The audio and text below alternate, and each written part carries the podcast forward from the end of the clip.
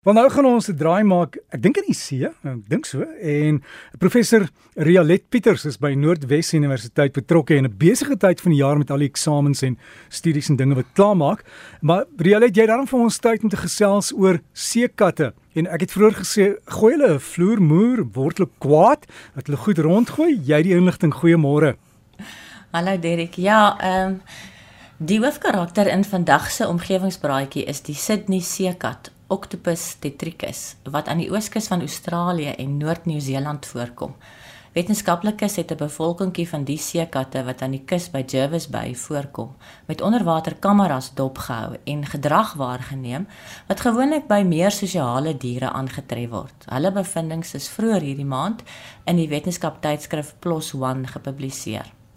Nou behalwe vir sjimpansees en apies wat bekend is daarvoor dat hulle voorwerpe kan rondgooi, is hierdie gedrag ook bekend vir olifante, verskillende muishond spesies en sommige voëls. Die olifant waarna ek hier verwys, ehm um, het 'n wit renoster by 'n watergat hier in die Sloesloe Natuurreservaat met graspolle en ander plante groei probeer verdryf deur goed gemikte gooi pogings met haar slurp. Haar gooi pogings het egter kort geland uh, maar was almal darm in die regte rigting. En dit skynbaar redelik bekend dat die Egiptiese aasvoëls vol struiseiers met klippe bestook om toegang te kry tot die inhoud.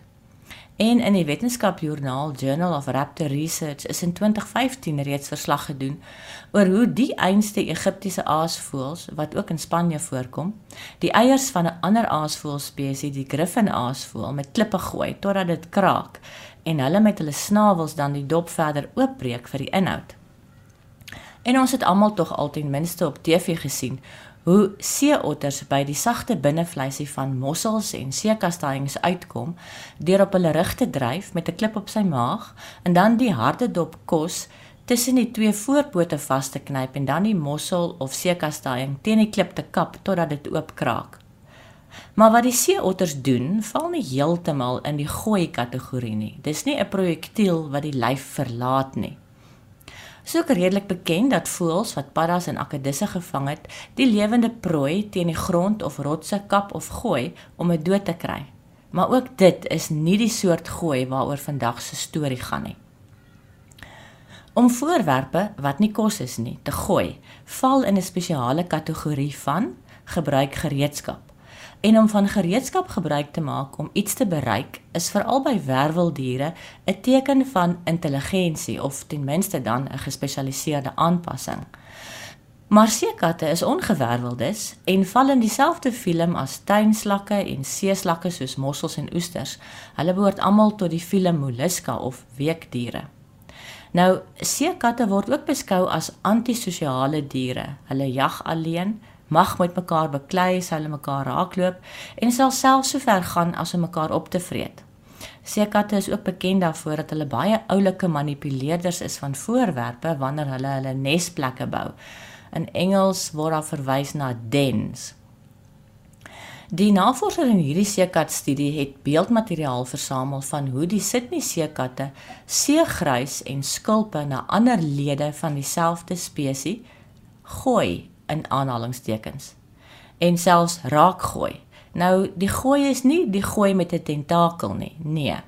Dis eerder gerigte blaas van water uit die sifon uit. Die tentakels hou die goed wat gegooi moet word sodanig vas dat as die seekat water uit sy sifon spuit, dit opsetlik in 'n bepaalde rigting geblaas word. Die Australiese wetenskaplikes het gesien hoe die seekatte goed so silt, seewier en selfs skulpe na teikens gooi en selfs mekaar daarmee raak gooi. Daar was verskillende redes vir die gooi van goed. 1 om van oorskietkos ontslae te raak na die maaltyd of om wanneer die nes reggepak word van die oorbodige materiaal ontslae te raak. Maar dan was daar die gooie wat plaasgevind het as gevolg van die interaksie met ander seekatte. Hierdie interaktiewe gooie was ook kragtiger van geaardheid in vergelyking met die huisskoonmaak gooie. Verder lyk dit of dit eerder die wyfies is wat meer gereeld gooi en dat dit die seekatte met die eenvormige donker kleure is wat meer kere gooi as die seekatte wat 'n meer gevlekte voorkoms het.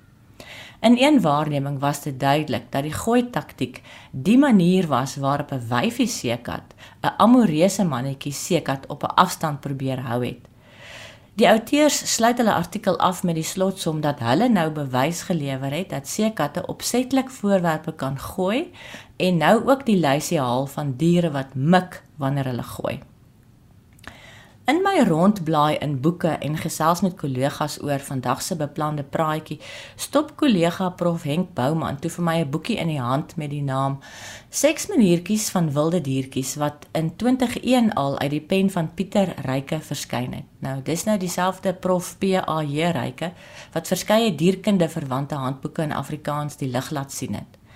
En ek kom op die volgende stukkie inligting af. Toevallig ook oor lede van die Meliska wat goed gooi of ek moet eintlik sê skiet.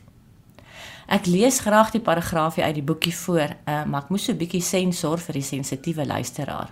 Die stukkie handel oor die gewone tuinslak wat Prof Ryke nog geken het as Helix aspersa, maar nou bekend staan as Cornu aspersum.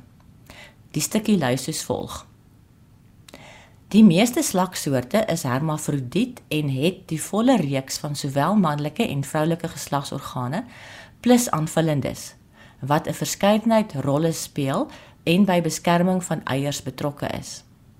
Hofmakery is gewoonlik 'n ellelange proses.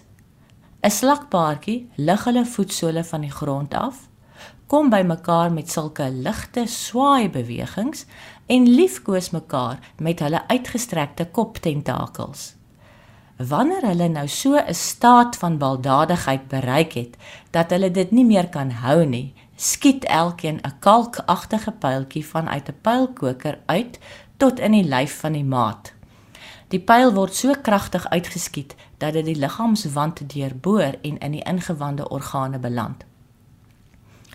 Die uitvoering van so 'n aksie laat Cupido na 'n amateur lyk. Hierdie dramatiese uiting van wederwysige liefde stimuleer paring waar tydens die manlike geslagsorgaan van elke slak in die vroulike geslagsopening van die ander een gesteek word.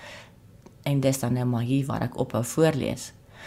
Ons het op omgewingspraatjies se Facebook bladsy 'n videoetjie geplaas waarvan die oorsprong onseker is en die beeldmateriaal deel beeldmateriaal is ook iets wat onduidelik, maar ons het nietemin dit goed gedink om dit tog te plaas want dit demonstreer baie duidelik hoe 'n voël wat waarskynlik die Suid-Amerikaanse se riemvoël is, golfballetjies van die grasbaan af optel, na die sementpaadjie daarmee stap en hard op die sementpaadjie neergooi sodat dit hop Waarom die voël dit doen, sal ons nie regtig kan sê nie.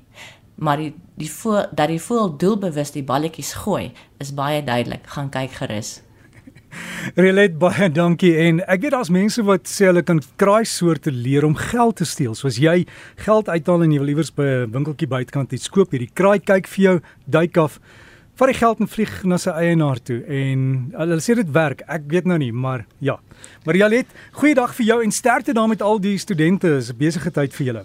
Ja, dankie Dirk. Totsiens. Totsiens. En dit dan ons omgewingspraatjie en professor Rialet Pieters betrokke by Noordwes Universiteit en daai inligting dan op die Breakfast Facebookblad. Daar is ook 'n omgewingspraatjie Facebookblad. Gaan sluit aan, kry die inligting en so deel ons die kennis.